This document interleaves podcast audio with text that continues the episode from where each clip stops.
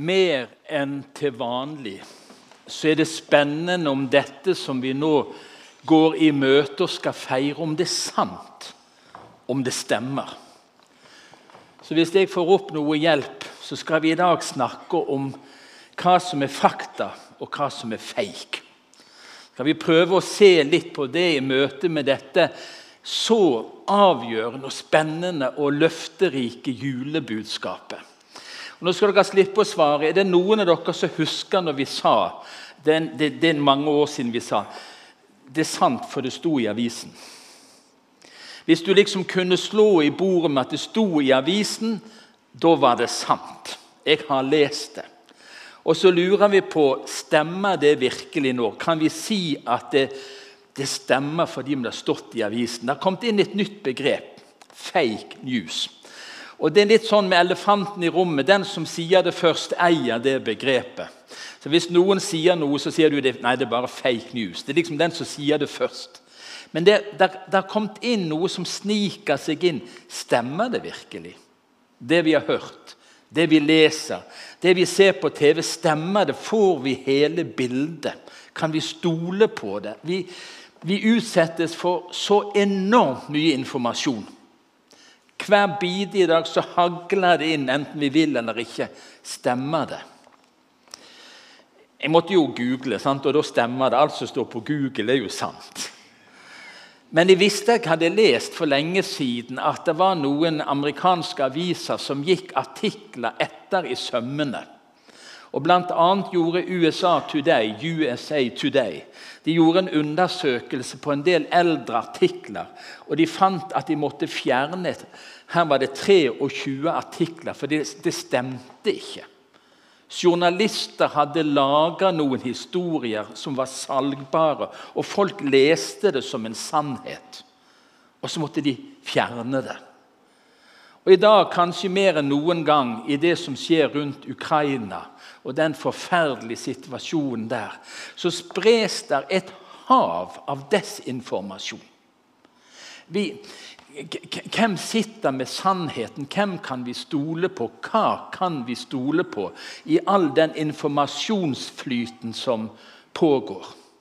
Og Vi vet fra norske aviser som vi stoler på, er, de skriver jo bare det som er sant og rett. At av og til holder de ting tilbake igjen. F.eks. i kriminalsaker for å prøve å lokke fram mennesker og, og, skape et rom for å gå videre med en sak. Så holder de ting tilbake igjen. Merkelig. Hva kan vi stole på? Juleevangeliet, alt det vi nå skal feire Alt det som skal forkynnes for flere mennesker enn noen søndag eller lørdag er det jo nå. Gjennom hele året så fylles kirker og bedehus av mennesker som vil høre om Jesus og om julen. Og så er spørsmålet fleip eller fakta. Stemmer det? Kan vi stole på det?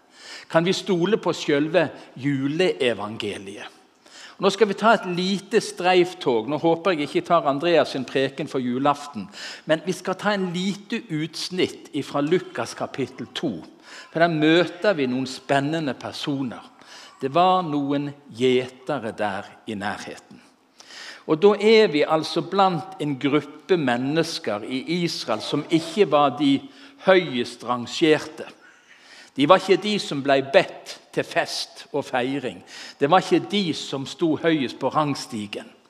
Men det var altså i denne historien noen gjetere, og de får høre noe. Og Nå skal vi komme tilbake igjen til hva de hørte. Men nå skal vi bare foregripe. Hør hva det står i slutten av juleevangeliet.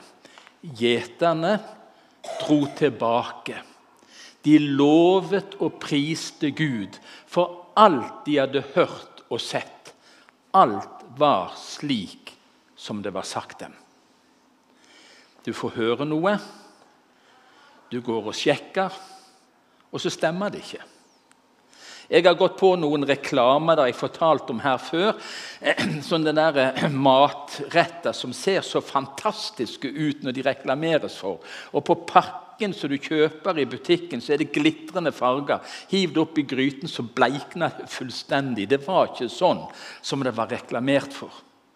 Og Du har helt sikkert hørt ting gjennom livet, og så har du sjekka det ut, og så stemte det ikke. Så blir du skuffa. Det holdt ikke mål. Her er det altså en gruppe mennesker som er på jobb, passer andre sine sauer ute på Betlehemsmarkene. De hører noen ord, et budskap, av engler. Så tenker de la oss gå og se. Og så skjer det, det som er så spennende med å følge juleevangeliet på nært hold.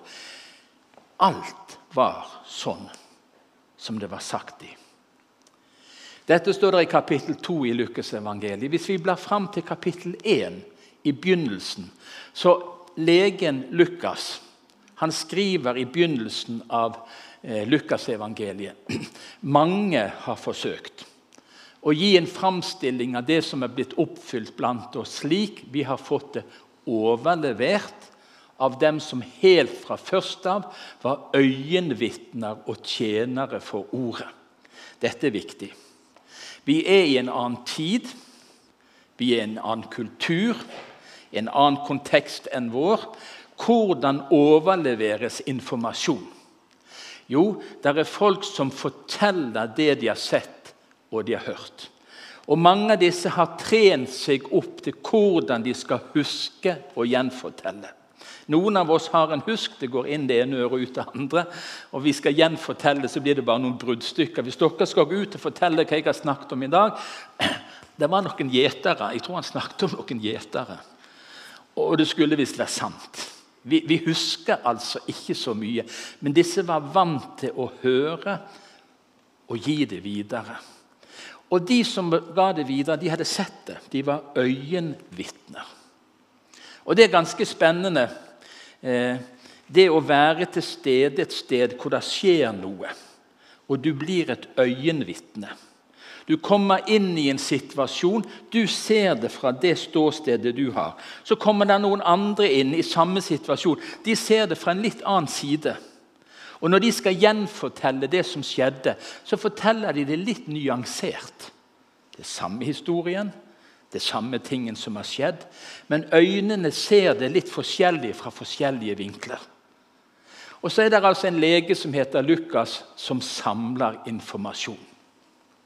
Nå har også jeg bestemt meg for å gå nøye gjennom alt fra begynnelsen av og skrive det ned for deg i sammenheng, ærede Teofilus.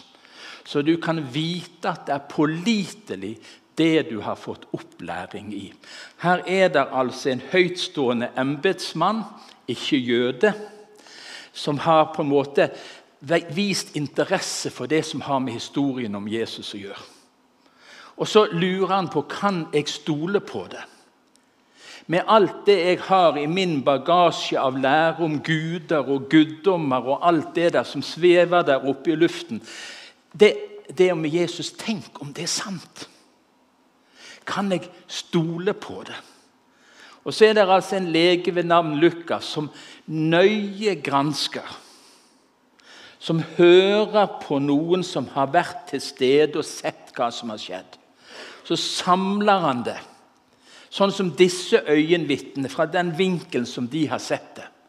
Og så gir han dette videre til Teofilus.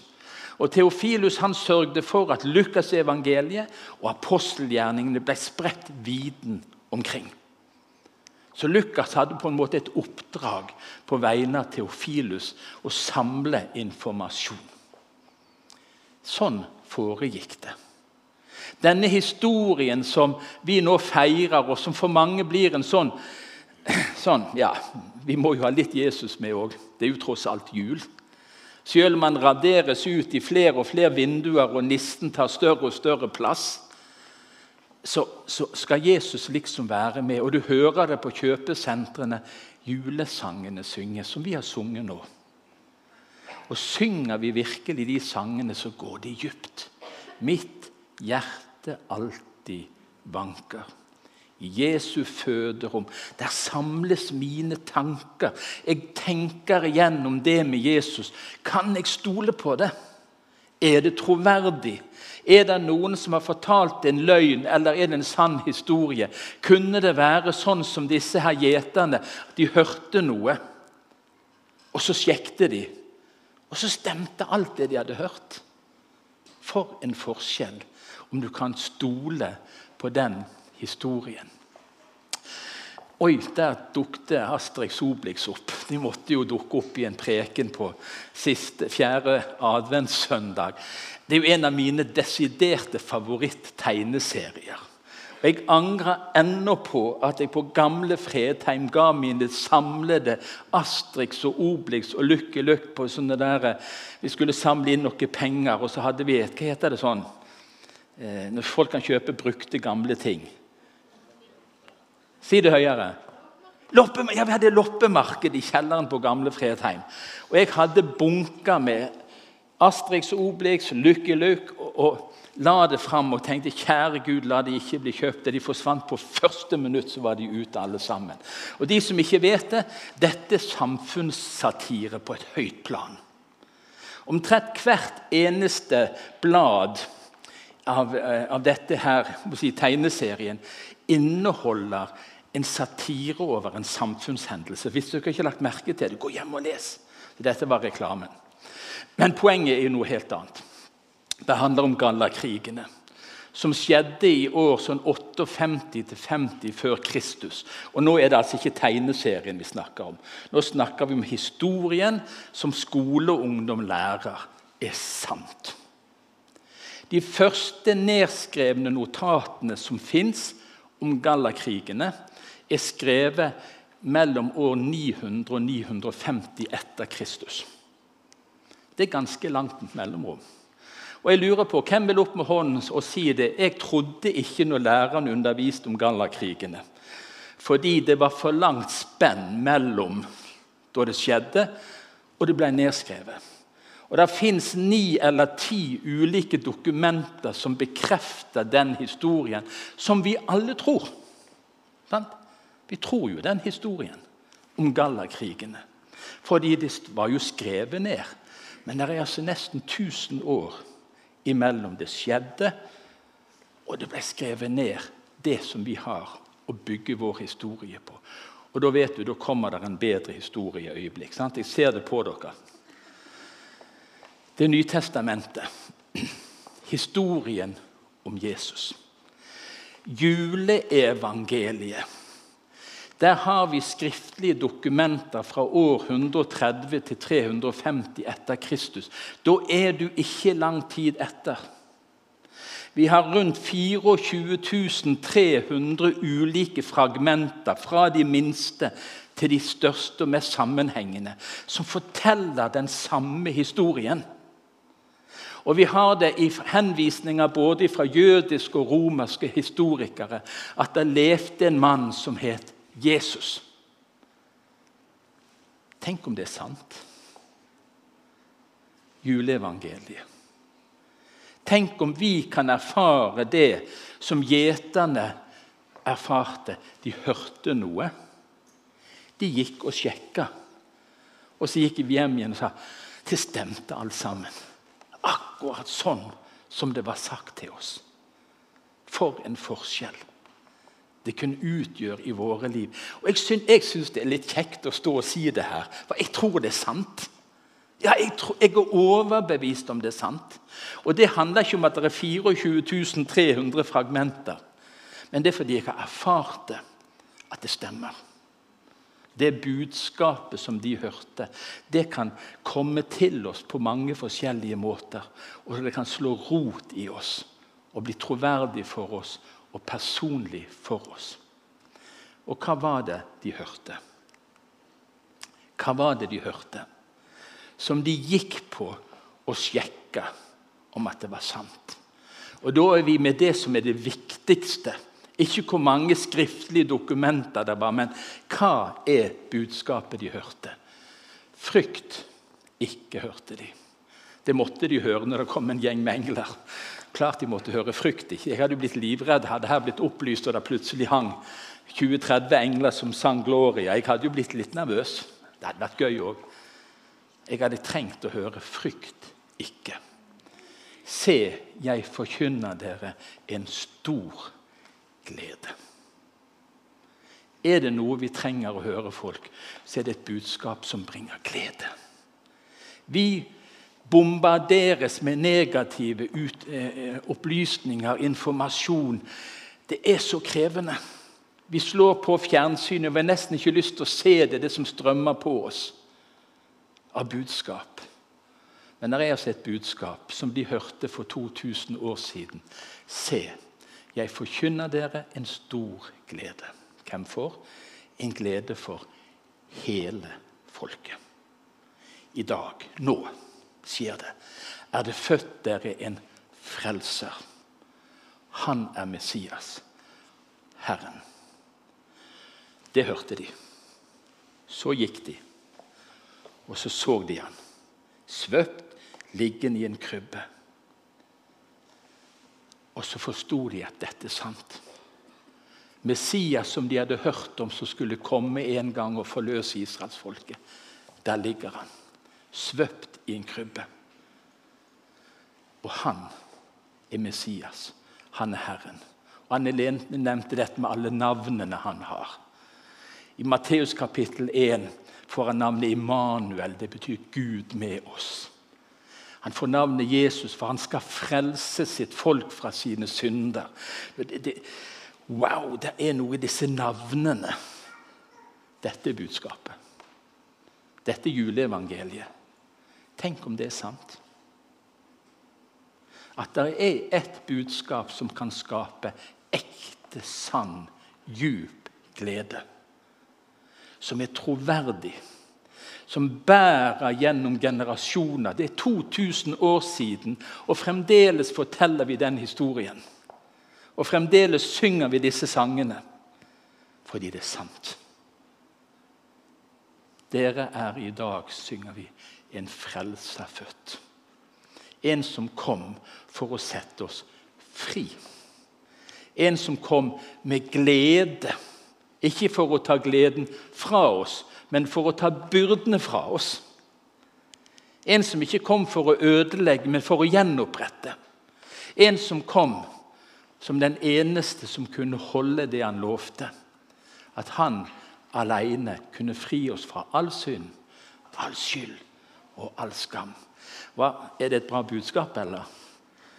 Det er et par som er sånn, ja, er par som er til stede her. sånn, Yes! Det er dette vi tror. Det var dette de sjekka ut, gjeterne. Det var dette Lukas saumfarte som doktor, som lege. Kan det stemme? Det var dette Theofilus, den personen i, i historien som ville vite mer. Og Så sendte han det ut og mangfoldiggjorde Lukasevangeliet og apostelgjerningene, som også Lukas skrev. For det er sant. Det er troverdig. Yes! Så når vi går hjem i dag, så kan vi si jeg tror yes, det er alt som står der. Sånn var det. Alt som ble sagt. Sånn var det. Det er et julebudskap å satse på, skal vi be. Jesus, takk for at du kom. Akkurat sånn som det var skrevet om. Det var profetert hundrevis av år på forhånd. I Betlehem, jomfru Maria. Alt dette her, sånn som det var skrevet, sånn som det var profetert, sånn skjedde det.